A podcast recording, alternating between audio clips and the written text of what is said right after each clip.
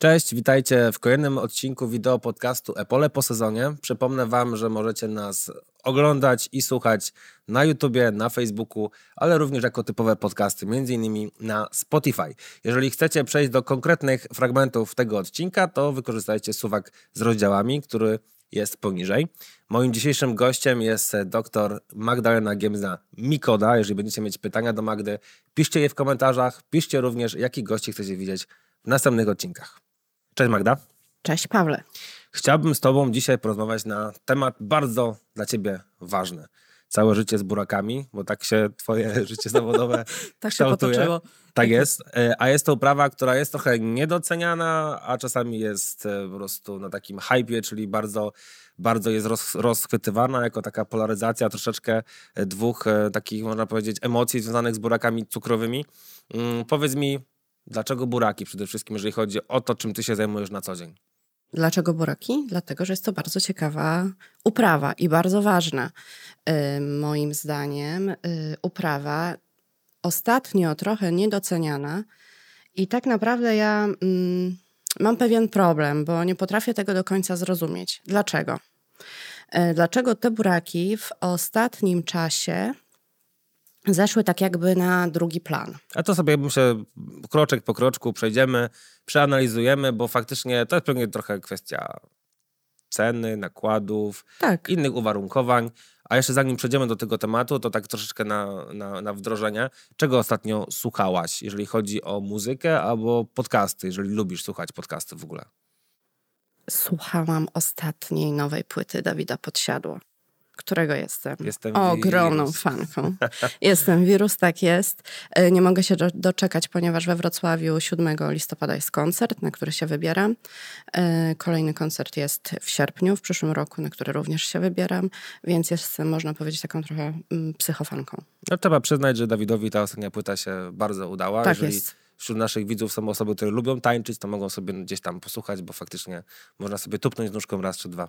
Można. Okej, okay, czyli już znamy twoje preferencje muzyczne, e, a Ale, podcasty? A podcasty, no ja właśnie jestem może taka trochę starodawna, ponieważ Spotify'a odkryłam całkiem niedawno dzięki mojej siostrzenicy. I ym, taki jedyny podcast na razie, którego słucham, to jest żurnalista. Od dzisiaj będzie również Epole. E, tak, przepraszam. Epole, a później żurnalist. Okej. Okay. E, dobra, to przejdźmy do tego tematu buraków i nie chciałbym, albo nie mógłbym nawet inaczej rozpocząć niż od takiej troszeczkę zaczepki, bo mieliśmy parę miesięcy temu taką sytuację, że cukru nie było. Jak w Polsce, w kraju, który jest trzecim producentem cukru w Europie, może zabraknąć cukru, a nawet jeżeli by tak się zdarzyło i byłaby to prawda, dlaczego ten cukier był taki drogi, kiedy się znowu pojawił? Czy ty mi możesz jako człowiek od buraków odpowiedzieć na to pytanie? Dlaczego nie było cukru? E, słuchaj, jak wybuchła pandemia, to nie było papieru toaletowego i też nie wiemy, dlaczego tego papieru nie było i makaronu. Też nie wiemy dlaczego. Oczywiście ja myślę, że to jakiś taki medialny szum się zrobił, że nie ma cukru. Y, nawet moja mama y, zrobiła raban na całą rodzinę. Nie ma cukru, nie ma cukru, musimy kupować cukier. I targaliśmy ten cukier z każdego możliwego marketu w, w Oławie. Y, ja myślę, że tak. Na tą sytuację, dlaczego ten cukier jest aktualnie drogi, a myślę, że będzie jeszcze droższy, y, złożyło się kilka rzeczy, tak? Przede wszystkim to, co się dzieje za y, naszą wschodnią granicą. Inwazja Rosji na Ukrainę spowodowała, że te ceny na tych rynkach towarowych, rolnych, wszystkie poszły do góry. Cena cukru systematycznie wzrastała.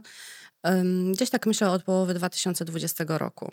Wzrastała i w roku gospodarczym 2020-2021 ta cena była już 30% wyższa.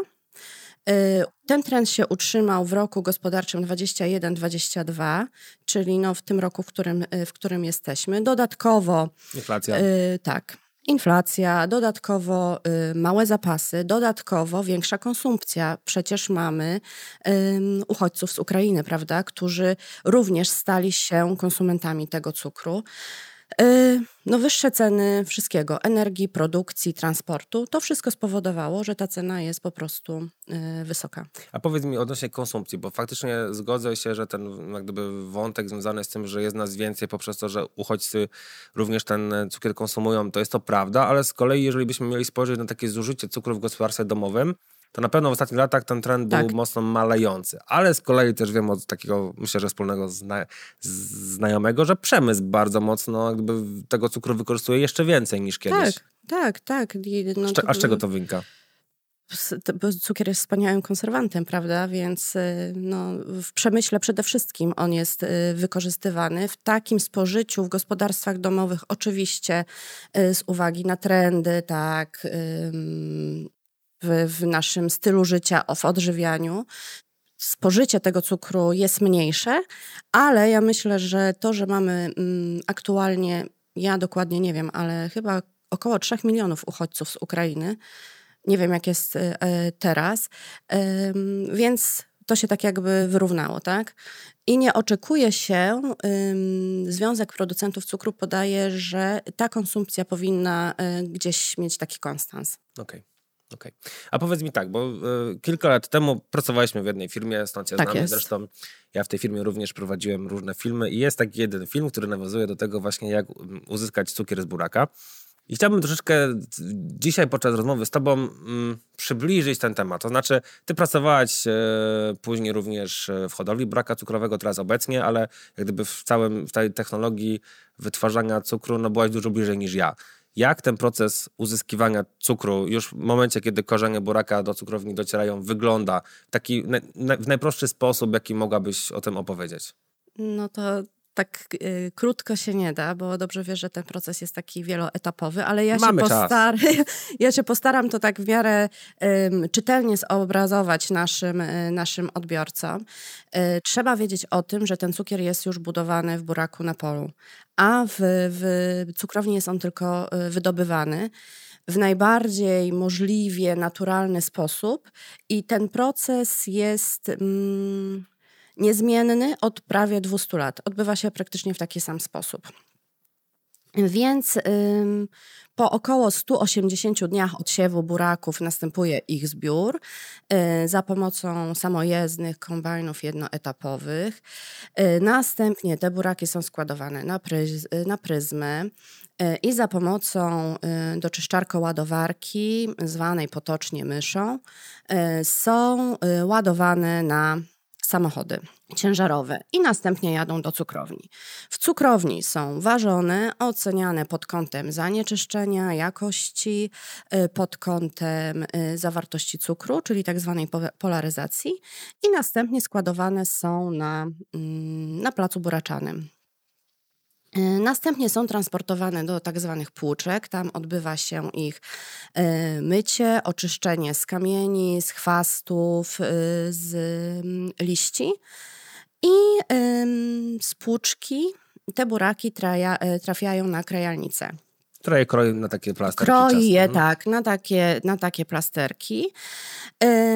I następnie tą krajankę wprowadza się do dyfuzora. W dyfuzorze. Mm, to jest taka duża wirówka? Tak. Dobrze kojarzę? Tak. Okay. W dyfuzorze dodaje się, ym, dodaje się ciepłą wodę, o tem, tem, ciepłą, wodę o temperaturze 75-85 to gorącą, stopni. Tak, gorącą, praktycznie tak, no wrzącą. Yy, I w ten sposób pługuje się cukier powstaje wysłodzona krajanka, czyli tak zwane wysłodki, które są y, doskonałą paszą dla zwierząt i y, surowy sok o zawartości około 15% cukru. I właśnie ten sok poddaje się dalszym procesom. Pierwszy proces taki ważny to oczyszczenie z tego soku z, ze związków tych takich y, niecukrowych. Następnie mamy proces krystalizacji. W tym procesie jest bardzo ważne dodanie takich y, zarodków krystalizujących, które pomagają w krystalizacji cukru. Czy to się dzieje pod jakąś taką temperaturą tak. mniej specyficzną? Tak, tak. I następnie to jest wirowane, suszone, no i powstaje cukier kryształ, który jest składowany w silosach, następnie pakowany w, w opakowania E, detaliczne, hurtowe, no i następnie, następnie w sklepie możemy ten cukier kupić okay. i używać w gospodarstwie domowym. Wszyscy czyli, mają słodzić. Czyli takim, czyli takim jak gdyby najważniejszym tym procesem do wyobrażenia sobie to jest faktycznie wytworzenia tego soku. tak, to jest na... najważniejsze mhm. i oczyszczenie tego soku. Ja nie jestem specjalistą, jeżeli chodzi o produkcję tego cukru i nie chciałabym wchodzić w jakieś tam szczegóły. Przybliżyłam ci w najbardziej możliwy i taki czytelny sposób. Ja uważam, że jeżeli Państwo mają możliwość, a często jest tak, że w koncernach jest możliwość zwiedzenia cukrowni, są na przykład nieotwarte, to jest bardzo ciekawe i bardzo fajne doświadczenie, żeby zobaczyć sobie faktycznie, e, jak to wygląda Mhm. Od środka. Każdy może sobie spróbować na takie drzwi otwarte, gdyby tak, dostać, tak? Okay. Tak, tak, tak. Wiem, że przez okres y, pandemii to było, w, to, to, to było gdzieś tam zatrzymane, ale proszę sobie śledzić y, strony internetowe koncernów i bardzo często są takie dni otwarte. Bardziej dla dzieci, ale y, brałam udział w takich dniach otwartych i to jest, myślę, bardziej ciekawe dla, dla dorosłych. Cały ten proces, który się odbywa w fabryce. E, a dla dzieci oczywiście ciekawsze są jakieś tam później doświadczenia robione z ciekłym azotem na przykład. Okej, okay, no to zachęcamy, bo faktycznie takie zainteresowanie mm, tym tematem, skąd się bierze cukier, jest spore, no bo to tak powiedziałaś, e, konsumujemy ten cukier na co dzień, ale wyobrażenie sobie tego buraka na początku, a tego cukru na końcu i tej całej drogi przemian, no jest, jest na pewno nie takie proste. I obrazek nie wystarczy, dzięki za komentarz słowny, bo, bo to dużo lepiej pozwala sobie ten proces po prostu jeszcze wytłumaczyć tendencje, jakie mamy do zasiewu buraka cukrowego, tak jak wspomniałeś też zresztą na początku sama, na początku tego roku, były takie, bym powiedział, może nie tendencje, ale mm, oczekiwania i jak gdyby mm, emocje z tym związane nie były zbyt dobre, prawda? Bo mówiło tak. się o tym, że jest to uprawa dużo mniej dochodowa niż inne w ostatnim czasie i tak dalej, i tak dalej. Ale co by nie było, ten areał buraka cukrowego w Polsce, on cały czas się kształtuje na tym poziomie no, 220-240 tysięcy yy, hektarów. Tak, to jest w tym roku. W zeszłym roku było 252 tysiące i właśnie w tym roku jest ten spadek areału i również ilości plantatorów. To jest właśnie, można powiedzieć, około 220 22, bo inaczej podaje Związek Producentów Cukru, inaczej Krajowy Związek Plantatorów Buraka Cukrowego, inaczej KOWR, prawda? Ale załóżmy, że to jest 222 y, tysiące hektarów. I no na to się złożyło tak jakby kilka również czynników. Przede wszystkim wysokie ceny roślin konkurencyjnych, ta taka niepewność, niepewność na rynku, ogólnie na rynku rolnym, wysokie ceny nawozów, wysokie ceny energii. Ale obecnie trwa kontraktacja. Obecnie y, wszystkie koncerny y, zaproponowały plantatorom, y, moim zdaniem, bardzo dobre warunki. I ja myślę, że ten areał zostanie odzyskany i ten burak wróci do łask. No, mm, Jaka jest maksymalna kwota? Ja słyszałem o 50 euro za tonę. Jest coś więcej na dzisiaj? Y Wiesz, Paweł, to trudno powiedzieć, dlatego że y, różne koncerny y, różnie, y, bo wynika to, nie wiem, z terminu odbioru buraków, z dodatkowych płatności, tak? Więc trudno powiedzieć, ale możemy tak założyć, że jest to około 50, 50 euro, tak?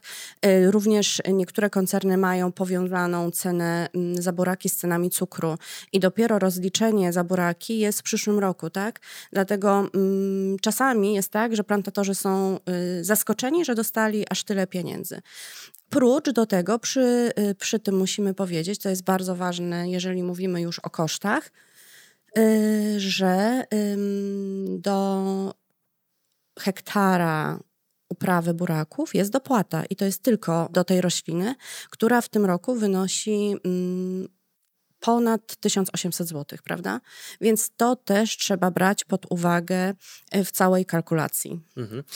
Też jeżeli do tego dołożymy plony tegoroczne, to przy, przy, tych takich szacowanych jak gdyby przy, przy szacowanej kwocie za tonę buraka, to już się robi całkiem prawda, fajny, tak. fajny pomysł na interes. Y, naprawdę, ja uważam, biorąc pod uwagę y, kalkulacje innych roślin konkurencyjnych, mam tu na myśli rzepak, kukurydzę y, i pszenicę, ten burak wypada najlepiej. Mhm, Okej, okay. a jak wygląda właśnie, jeżeli chodzi o plony, powiedzmy w jakichś takich skrajnych miejscach w Polsce, no bo jednak nasz kraj jest dosyć duży.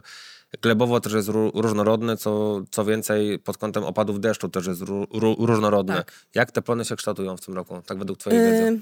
To jest też różnie. Ja może powiem tak, jak podają koncerny, bo to będzie tak najbardziej miarodajne, prawda? Krajowa Grupa Spożywcza podaje, że średni plon w ich koncernie wynosi 62 tony przy polaryzacji około 16,5%. Pfeiffer Langen podaje, że plon w ym, wynosi w ich koncernie około 61 ton, polaryzacja przekroczyła 16,3%. Nordzucker podaje, że to jest około 63 ton yy, i polaryzacja powyżej 17. Easy Zucker podaje, że yy, plon w ich koncernie wynosi powyżej 70 ton i polaryzacja powyżej 17%. Co nie, nas, co nie powinno nas dziwić, bo jednak cukier ma w większości cukrowy na południu. Na południu, a tam mamy dokładnie. Do, dokładnie, dokładnie. Tam było więcej deszczu i tam są no, takie gleby typowo buraczane, prawda? Ale mm, myślę, że na początku kampanii, która rozpoczęła się w tym roku 6 września, e, zapoczęły, rozpoczęły ją e, cukrownie na Wielkopolsce, Miejska Górka i, i, i Gostyń. E, Związek Producentów Cukru podawał, że średni plon w tym roku będzie wynosił w Polsce około 62 tony i powyżej 17% i myślę, że tutaj można oczekiwać, że te plony nawet będą trochę wyższe, a na pewno miały na to wpływ te wrześniowe opady, które, które były, prawda? Mhm. No, jak gdyby ten plon się kształtuje bardzo, bardzo fajnie, bardzo, bardzo zadowalająco. Fajnie, tak. Mm, I trochę mi też odpowiedziałaś na kolejne pytanie, które sobie przygotowałem, e, czy uprawa buraka się opłaca. Ty powiedziałeś, że jest najbardziej opłacalną według ciebie, tak. ale spróbujmy sobie to jakoś tak może na części pierwsze rozebrać, bo faktycznie Grzesiu Bardowski był jednym z gości wcześniej i mówił, że gdyby koszty, które są związane na uprawę buraka, to jest około u niego 10 tysięcy złotych, plus minus. Może być to, znaczy nawet nie może, jest to prawdą związane, wiesz, siew, zbiór, ochrona, nawożenie, tym bardziej przy tych y, cenach, jakie mamy teraz za nawozy. Mm, I, I co? I, I faktycznie gdzieś tam chyba z rzepakiem najbardziej na dzisiaj e, ten, ten burak konkuruje, no bo przy rzepaku, przy tych cenach, jakie mieliśmy chociażby przy, przy zbiorze, teraz są troszeczkę niższe, ale przy, też przy, przy tych plonach, no ta konkurencja jest taka dosyć mocna. E, podobna ilość wjazdów, bo czy to w rzepak, czy w buraki też wjeżdżamy dosyć często. Ale jakbyś miała się pokusić właśnie o takie wytłumaczenie, czy też dojście do tego, dlaczego, dlaczego jest to najbardziej opłacalna uprawa, E, to jakbyś to zrobiła? Tak bym to zrobiła, że tu trzeba powiedzieć tak jakby o podstawach podstaw, jak to mówi mój profesor z uczelni, e, czyli musimy wrócić do tego, co to jest płodozmian, bo jeżeli mm, rolnicy mówią, że tak, proszę pani, ja stosuję płodozmian, ja sieję e, rzepak, kukurydzę i pszenicę, no to ja sobie myślę, aha, okej, okay, to nie jest płodozmian, tak? E, no sam dobrze wiesz, e, Mieli, ja na przykład na studiach miałam poświęcony e, cały jeden przedmiot, który się nazywał Podozmiany we współczesnym rolnictwie, gdzie uczyliśmy się tego, jak układać płodozmiany i jak ważny jest płodozmian. I o tym mówi same założenia płodozmianu norfolskiego. To już było wiadomo w XVIII wieku, tak, że uprawiamy rośliny okopowe, zboża jare, E, rośliny motylkowe i zboża ozime. Tak jakby rolnicy o tym zapomnieli. Ta chęć, mm, jakby to powiedzieć, chęć eko, mm, efektywizacji pracy i jak gdyby uzyskiwania do, do, dużych, do, dużych, do, dużych tak, dochodów, dochodów, tak, dużych, mhm. dużych dochodów, jak najmniejszym nakładem pracy, ten rozwój y, mechanizacji, rozwój, mm, rozwój całej, całej tej branży środków ochrony roślin, nawozów i tak dalej, spowodował, że mm, zapomnieliśmy o takich podstawowych, y, podstawowych zasadach, prawda? I ja uważam, że oczywiście każdy liczy koszty, mm, każdy liczy koszty tak jak, tak jak chce liczyć. Wydaje mi się, że 10 tysięcy to jest trochę za dużo. mamy obliczone koszty i są to koszty na poziomie około tam 7,5 tysiąca w przypadku, w przypadku mm, buraka cukrowego. I ja myślę, że są to takie realne koszty, tak?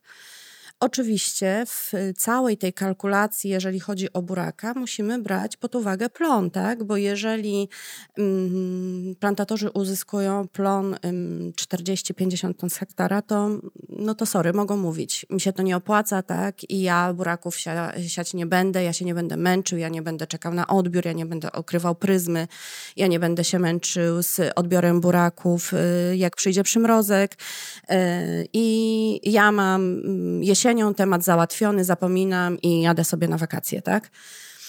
Ale czy, czy, to, czy tędy jest droga, czy to nie jest, um, czy o to nam chodzi, tak? O tą, o tą taką już um, naprawdę degradację, um, degradację naszej gleby, tak? My nie myślimy o tym, co będzie za chwilę, znaczy się za chwilę no, no za jakiś czas, tak? Znaczy prawdą jest też to, że na pewno burak nie jest jedyną uprawą, która nam pozwala gdyby tą, tą glebę utrzymać gdyby w, w tej lepszej kulturze powiedzmy. Tak. Tak sobie, tak to nazwijmy, ale też e, z drugiej strony rolnicy w większości uprawiający burak to są ci, którzy są e, skupieni wokół cukrowni, prawda? No tak. No bo jednak ta logistyka też utrudnia. Ktoś, kto nie ma cukrowni koło siebie ze względu na gleby, czy też w ogóle u, u, u, ukształtowanie, no nie ma szans na dzisiaj do końca, żeby te boraki. Tak, tak biorąc mieć. jeszcze pod uwagę te koszty, które są, koszty transportu, prawda, jest to, jest to niemożliwe i wiadomo, że jest to skupione, y, skupione wokół cukrowni. I pytanie, czy cukrownie by chciały więcej? Bo chyba to, to też jak gdyby limit e, Ja myślę, że, występuje. że ten limit, y, limit przerobu, tak? Limit przerobu w cukrowni, gdybyśmy wrócili do tych 250 hektarów areału buraków, ja myślę, że jest to, że jest to ok, tak? Ale ja tu też mam na myśli, mówiąc o tym płodozmianie norfolskim, mam na myśli również rośliny no, okopowe, takie jak ziemniaki, prawda? Również ten areał uprawy spadł, no mamy naszych wspólnych znajomych, znajomych, e, którzy uprawiają ziemniaki. E, I ogólnie nie wiem, nie wiem dlaczego zapominamy, tak? Zapominamy o tych roślinach okopowych, że one są, są ważne, a burak jest również ważny. Również jest ważny z tego względu, że ma wyższy współczynnik y, wiązania azotu, że jeden hektar buraków absorbuje tyle samo dwutlenku węgla, ile dwa, e, dwa hektary lasu. Okej, okay, to są takie rzeczy bardzo istotne, tak samo jak chociażby na sposób pobierania składników pokarmowych. Każda roślina tak. pobiera w inny sposób. Jak mamy monokulturę, to wyjaławiamy jak gdyby z jednego sposobu po, pobierania składników. Jeżeli jednak żonglujemy tymi uprawami, to, no to, to, to, też lepiej jest w stanie wykorzystać to, co Przecież system korzeniowy buraka jest tak głęboki i, i pobiera składniki pokarmowe wymywane w głąb, w głąb gleby, które później są oddawane z, mm, y, z resztkami pożniwnymi. I ja myślę, no tu jest naprawdę tyle aspektów ważnych, ważnych i takich podstawowych, o których się uczyliśmy, o których uczyliśmy się na studiach. Okej, okay, to żeby tylko nie mówić o takich e, zaletach, to porozmawiamy też o tym, co jest trudne w uprawie buraka. Według Ciebie najtrudniejszy etap jak gdyby w całym procesie mm, i w technologii uprawy, od siewu po zbiór, to jest? Ochrona herbicydowa, Ochrona, fungicydowa. Tak, ja może powiem tak, wszystko jest ważne, tak?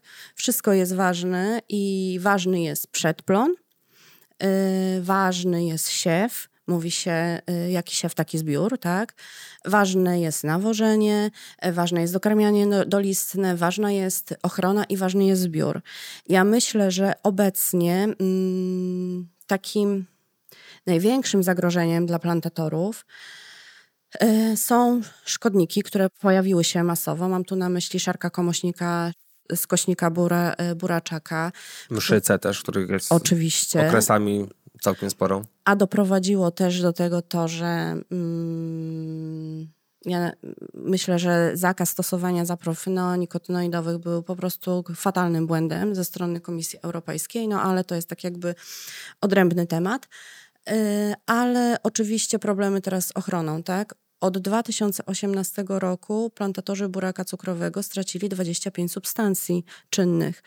I problem z ochroną herbicydową, y, z ochroną fungicydową, to jest chyba takie największe zagrożenie teraz dla plantatorów. Mhm, Okej, okay. to też jest kwestia tego, czy się pojawią jakieś nowe w najbliższej no właśnie, a nic, jest, się nie po, nic się nie pozna, pojawiło w, w, ostatnim czasie. Nic nowego, żadne alternatywy e, do tych środków i mm, być może coś się zmieni. Być, może, być może tak, coś się zmieni. Ja trzymam kciuki, bo e, ja, ja, ja trzymam kciuki tak naprawdę za wszystkie koncerny chemiczne, bo dużo plantatorów rezygnuje właśnie z tego powodu, że, mm, no, że, że mają problem z, z ochroną plantacji. No oczywiście, no, jednak jeżeli jest trudno chronić dobrze, no to, to, no to faktycznie to mocno wpływa na to, czy zainteresowanie jest większe, czy mniejsze. Ale też chciałbym zapytać Ciebie, Magda, czy według Ciebie burak na dzisiaj jest uprawą innowacyjną?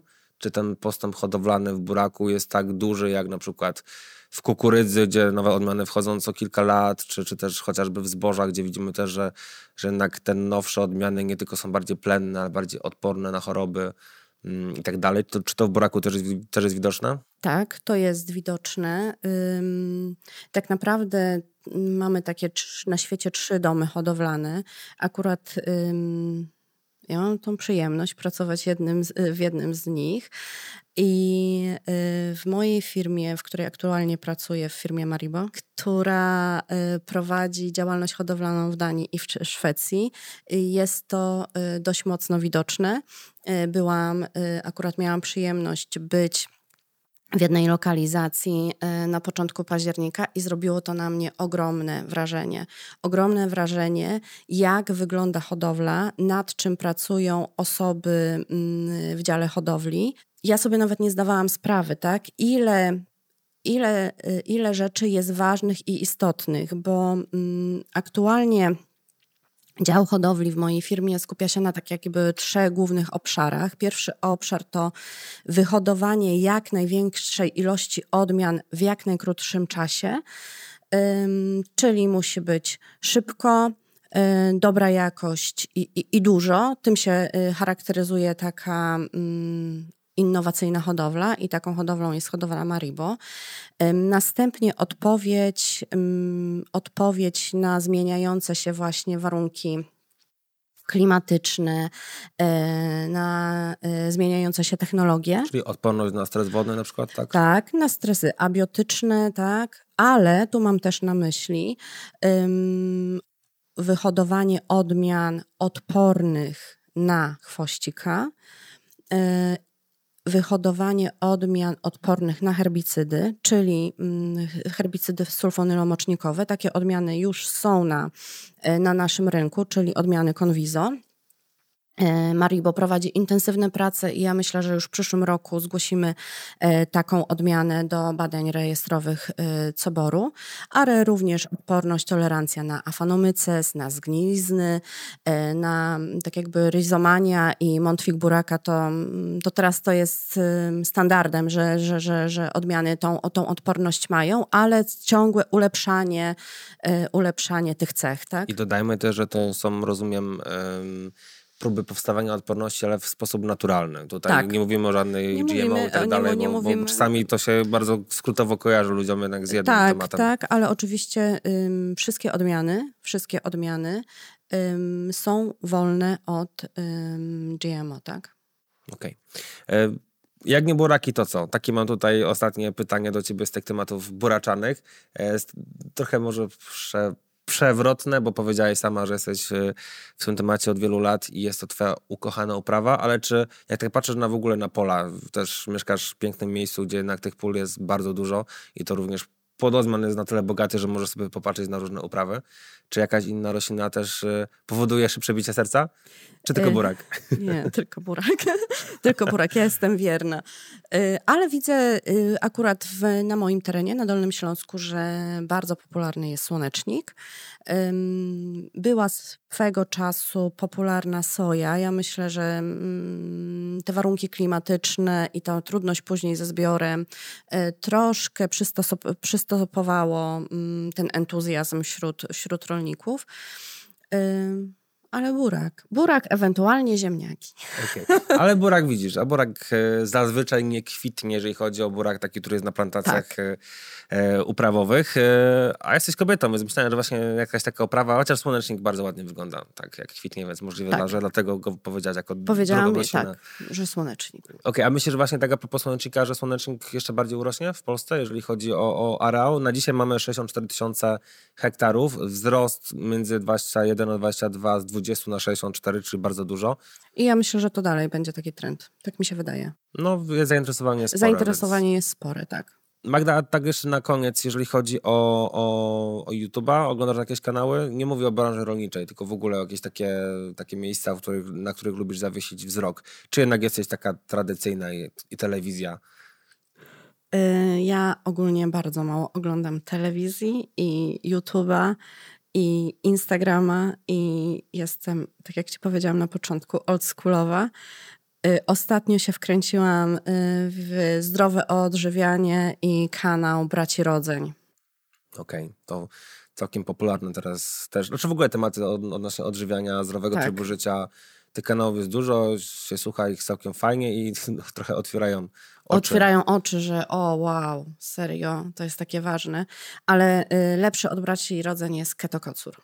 Okej, okay. czyli dla każdego z Was, kto jest zainteresowany tematami odżywiania się, ketokocur, tak? Ketokocur. Ketokocur, okej. Okay. Magda, dziękuję Tobie za dzisiejszą wizytę. A ja dziękuję za zaproszenie i polecam się na przyszłość. To były fajne kilkadziesiąt minut rozmowy o burakach. Gdybyście mieli pytania na temat uprawy buraków cukrowych, to piszcie w komentarzach. Magdo, Ciebie poproszę, żebyś przynajmniej na tydzień od tego filmu jednak była mniej oldschoolowa i spojrzała Dobrze. w komentarze i odpisała, jeżeli będziesz mogła. E, wam dziękuję za ten odcinek. Do zobaczenia następnym razem. Pamiętajcie, że w komentarzach możecie pisać Wasze propozycje co do gości tego wideo podcastu.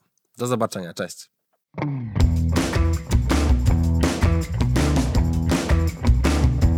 Patronem wideo podcastu Epole po sezonie jest Corteva AgriScience.